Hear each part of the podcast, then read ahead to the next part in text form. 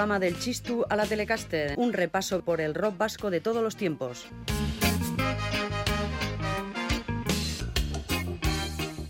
Al control Norberto Rodríguez, en el micro Elena López Aguirre. Las relaciones de los músicos con las compañías discográficas son hitchconianas, sean multinacionales o independientes. Después de los primeros momentos de euforia de la movida radical, cuando todo lo publicado se vendió muy bien, llegaron tiempos de reflujo. Los primeros discos de Soñúa, Barricada, La Polla Record, Erchaña, Cortatu, superaron con muchísimas creces la barrera de las 3.000 copias vendidas, más o menos la cifra que se ha de vender para recuperar el dinero invertido. Los beneficios eran claros, pero los músicos no lo tenían tan claro. Por una parte, siempre sospechaban que vendían más de lo que les liquidaban, y por otra parte, como la cantidad que un músico percibe por disco vendido, los famosos royalties, es tan absolutamente irrisoria, los grupos consideraban una injusticia aquel reparto de beneficios. La Polla Record publicó en 1987 su tercer disco, No Somos Nada, pero no lo hizo con Oyuka, sino en su propio sello, Chata Records.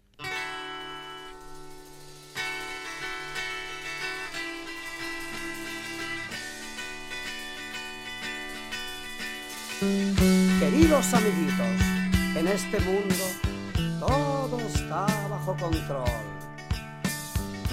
Todo Una aldea poblada por irreductibles galos resiste ahora y siempre al invasor con una poción mágica que los hace invencibles. El cerebro.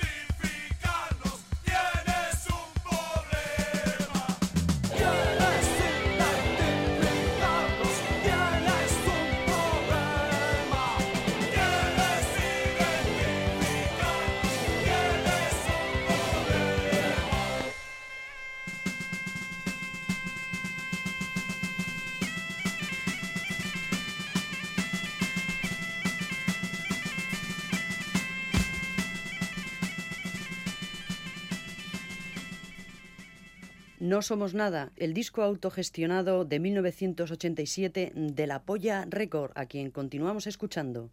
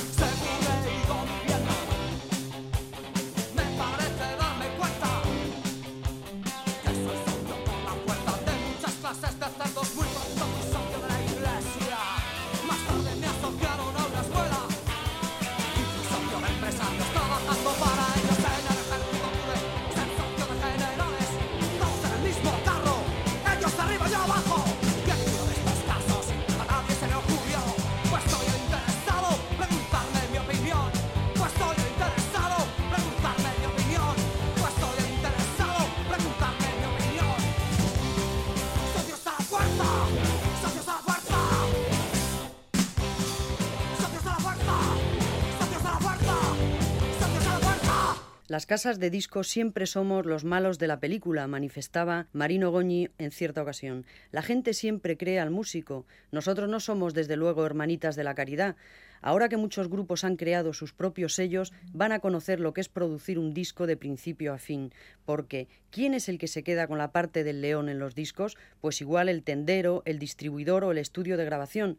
Generalmente cuando un grupo no vende, le echa la culpa a la casa, y eso no es así. Si un grupo funciona, tú funcionas. También se quejan del sonido, y lo que no quieren comprender es que si el grupo no toca, incluso en un estudio bueno hay problemas para que eso suene. El sonido lo tiene que tener el grupo antes, si no, mal asunto.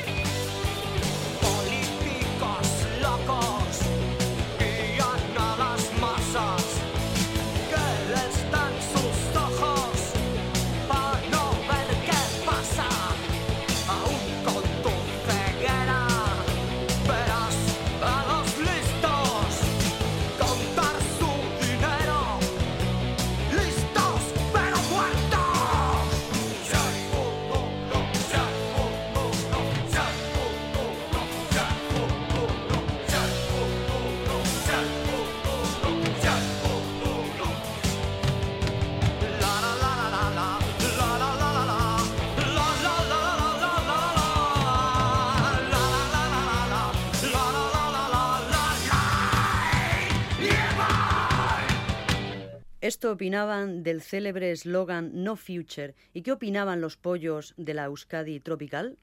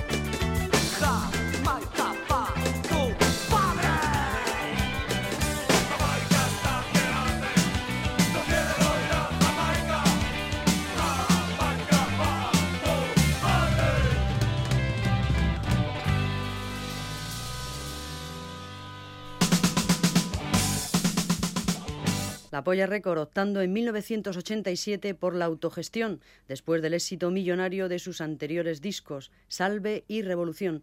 Pero había grupos que no tenían ese problema. Contentos estaban si conseguían incluir un tema en algún recopilatorio, como el Emendic, fruto de la primera muestra pop rock patrocinada por Radio Euskadi y Euskal Televista.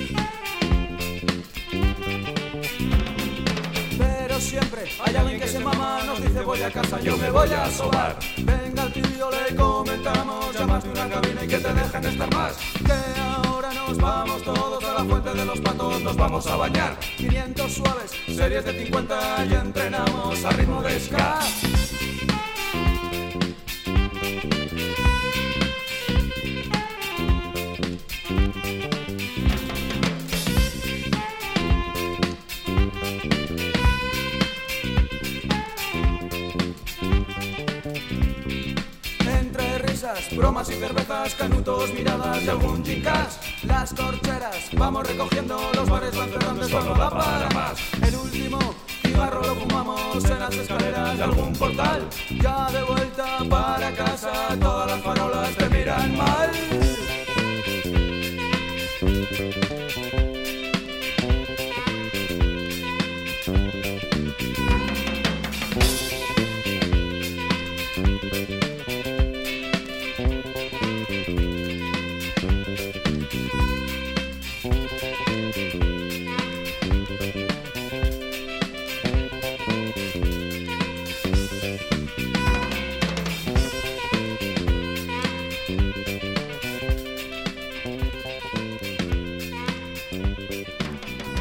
Segundo Banana abriendo el álbum recopilatorio Emendic de 1987.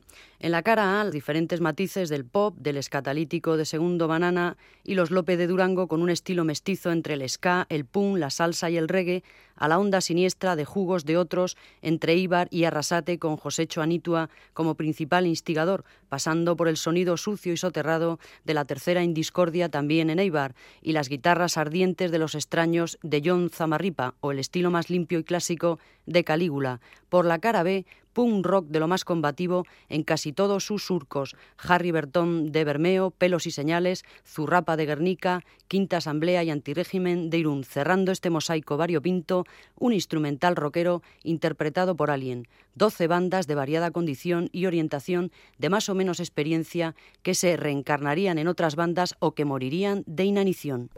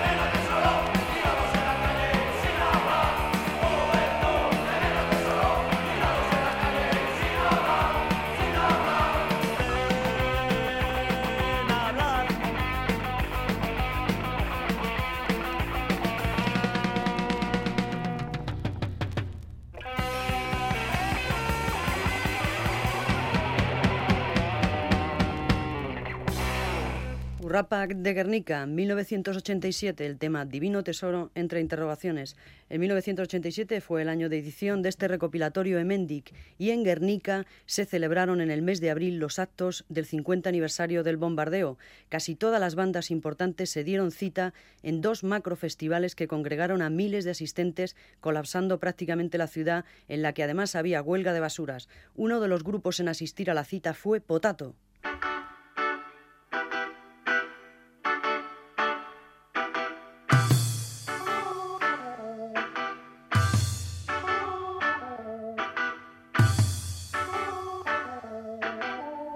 Mira cómo no es la droga de los jueces con su toga.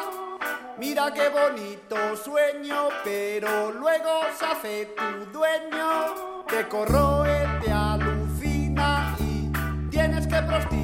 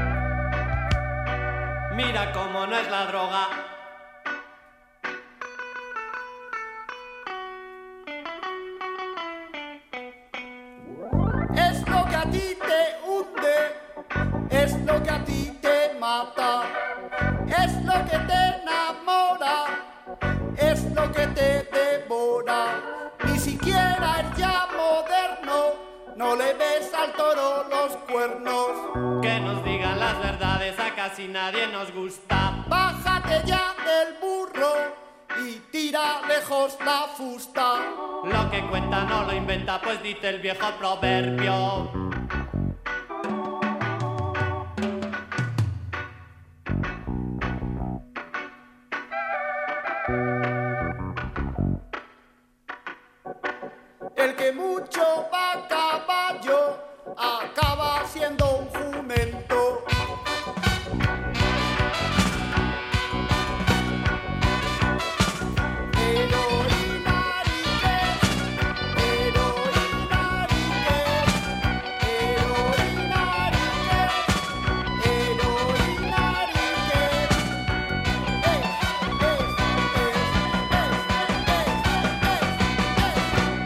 Esa época se hicieron muchas canciones contra el caballo, pero quizá esta que hemos oído de Potato, El ruego ibérico, fue de las más elaboradas. Potato, la punk y reggae party de Vitoria, se afianzó sorprendentemente para muchos con la publicación de su primer álbum en solitario, con portada del pintor Juan Sagastizábal.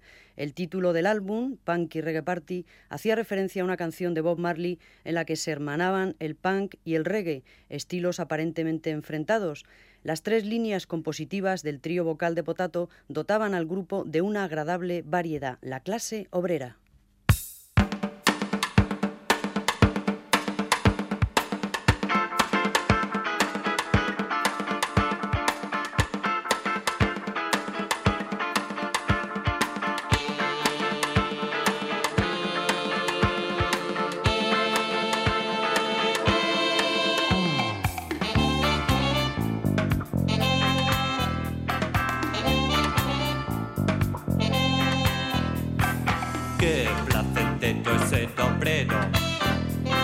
Tener trabajo, aunque sea a destajo, meter horas extras, aunque haya protestas, el bienestar, la seguridad, la tranquilidad que resulta de cobrar a fin de mes.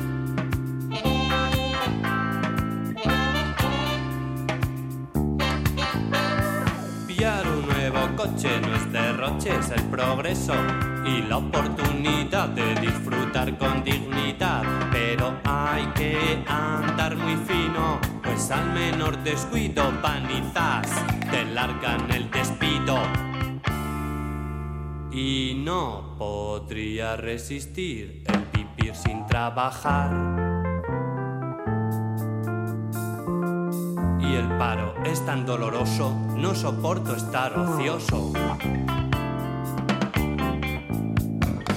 ¿Es la culpa del gobierno? No lo entiendo, no lo entiendo. Ya funcionan sindicatos, yo les voto y hacen pactos. ¿Se entera o no se entera la clase obrera? ¿Se entera o no se entera la clase obrera? ¿Se entera o no se entera la clase obrera? ¿Se entera o no se entera la clase obrera?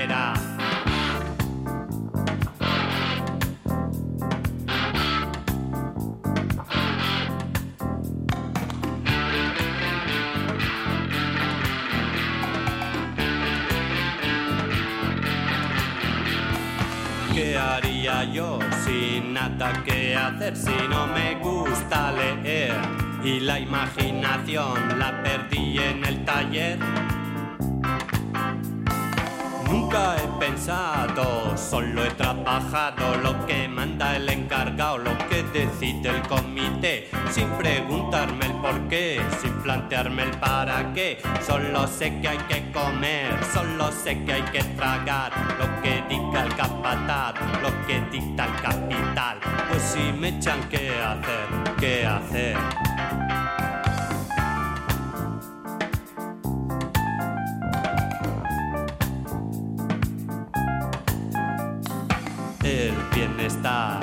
La seguridad, la tranquilidad que resulta de cobrar a fin de mes. ¿Se entera o no se entera la clase obrera? ¿Se entera o no se entera la clase obrera? ¿Se entera o no se entera la clase obrera? ¿Se entera o no se entera la clase obrera? La clase obrera, la clase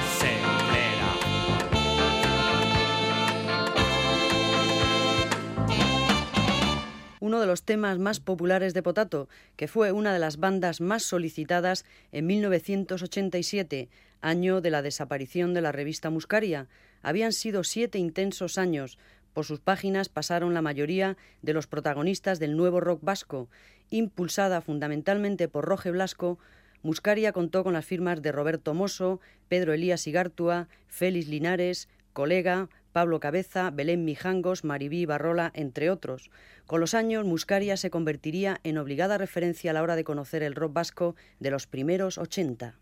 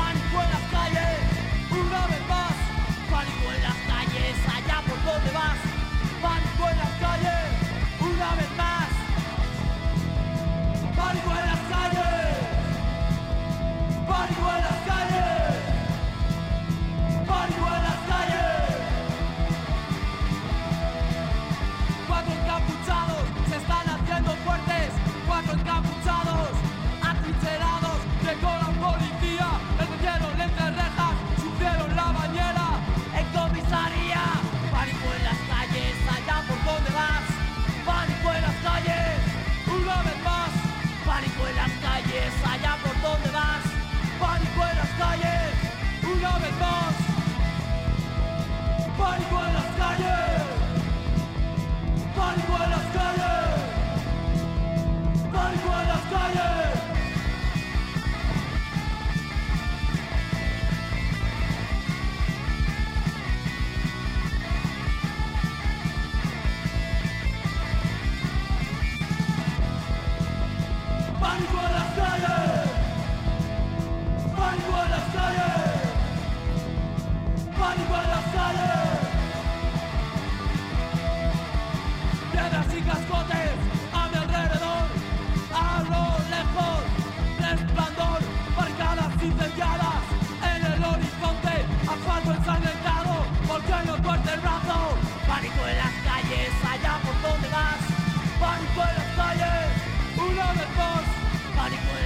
Calles, allá por donde vas. Pánico en las calles, una vez más. Pánico en las calles. Pánico en las calles. Pánico en las calles.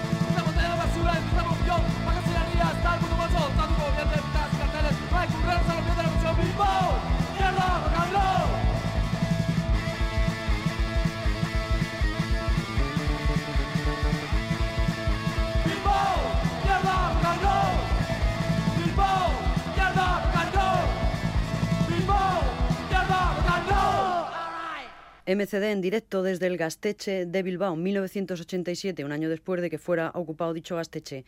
Primer disco en solitario y en vinilo rojo de este cuarteto pionero del punk. Habían debutado en el Condenados a Luchar con temas como No más punkis muertos, Rocan, Nico, Joaquín y Bernardo, cuatro músicos elementales que contaban con un buen puñado de seguidores. En 1987 se celebraron las primeras fiestas populares de Miquelín en Avechuco, a orillas del Zadorra. Ese mismo año, cuando Orchaña estaba a punto de concluir la grabación de su tercer disco, un grave accidente de moto del cantante obligó a retrasarlo todo. El disco saldría un año más tarde producido por Rupert Ordorica. Y volvemos con MCD, Bilboko Gastechean.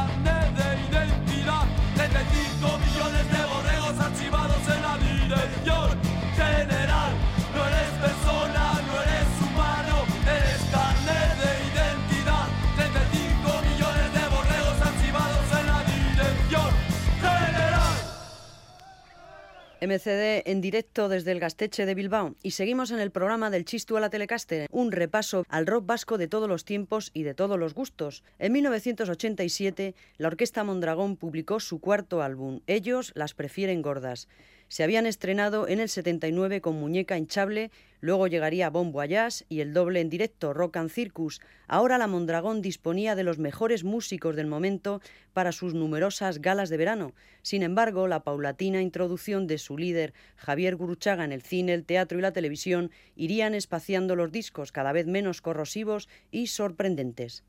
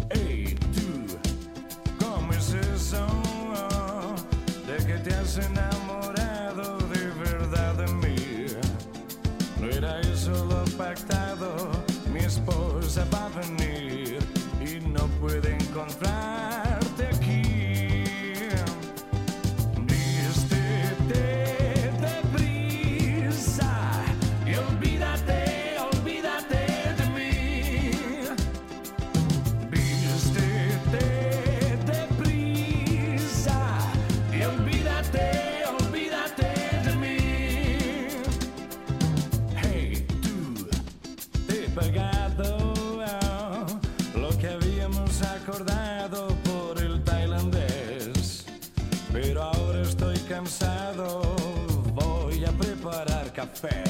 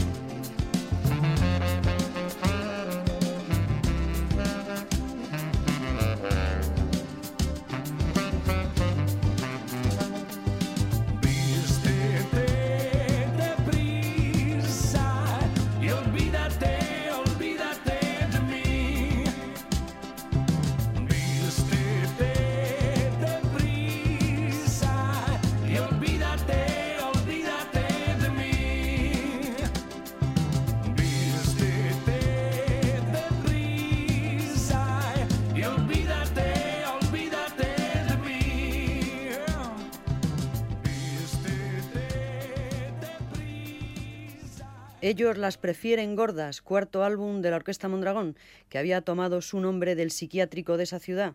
Muy atrás quedaban los años rompedores de finales de los 70, pero es ley de vida que nuevas bandas vayan ocupando el lugar de las viejas. En 1987 se produjo, por ejemplo, el debut de la multitudinaria formación vizcaína Dinamita para los Pollos en Discos Suicidas con su Bienvenidos al Gallinero y Escorbuto publicó el doble álbum Los Demenciales Chicos Acelerados. Su carrera había comenzado en 1983 con un single legendario, Mucha policía, poca diversión, y continúa al año siguiente con el igualmente mítico Zona Especial Norte, compartido con RIP, que incluía Ratas en Vizcaya y a la mierda al País Vasco. Después se sucedieron los discos Esquizofrenia, Antitodo, El doble impuesto revolucionario, cada uno editado en un sello diferente. Josu Espósito, Juan Masuárez, Paco Galán, nacidos para ser salvajes.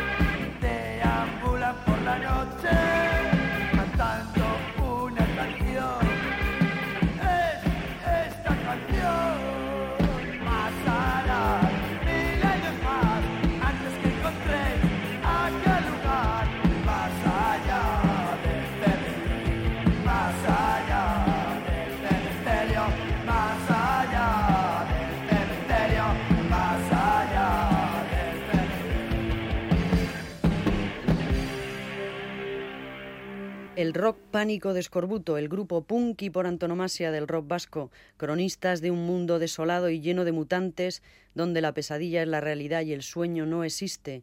Y seguimos con paisajes devastados porque vamos a escuchar el disco grande de Altos Hornos de Vizcaya, Bichos raros andan sueltos, editado por Discos Suicidas, o cómo un cantautor vallisoletano llamado Antonio Curiel formó una banda de rock para fustigar las conciencias al ritmo de los tiempos.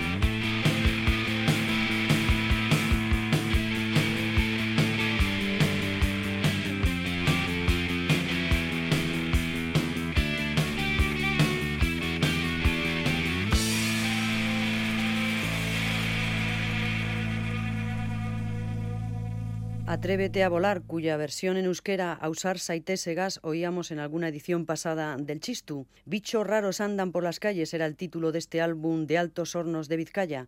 Por entonces nacía la insumisión hacia mediados de los años 80, que llegó después de la objeción y de la prestación social sustitutoria esto hizo que muchas bandas que habrían acabado a causa de la mili siguieran gozando de buena salud.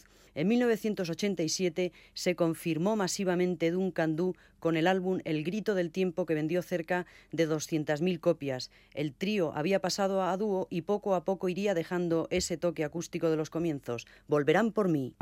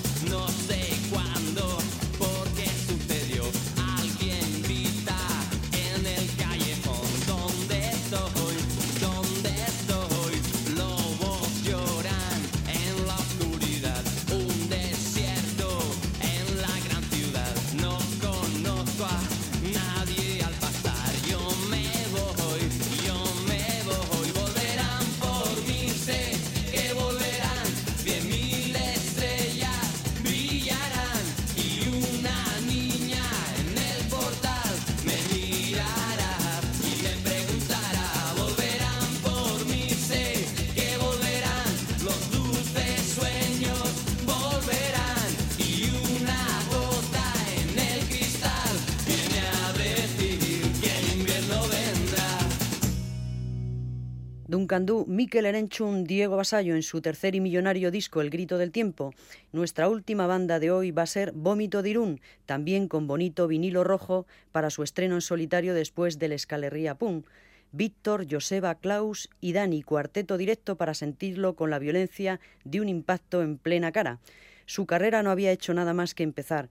Esto ha sido todo en la edición número 15 del Chistu a la Telecaster, un paseo por los accidentes del terreno del rock vasco, por las suaves laderas y las cumbres borrascosas, por los ríos secos y los mares tormentosos. Estuvo en el control Norberto Rodríguez, estuvo al micro Elena López Aguirre.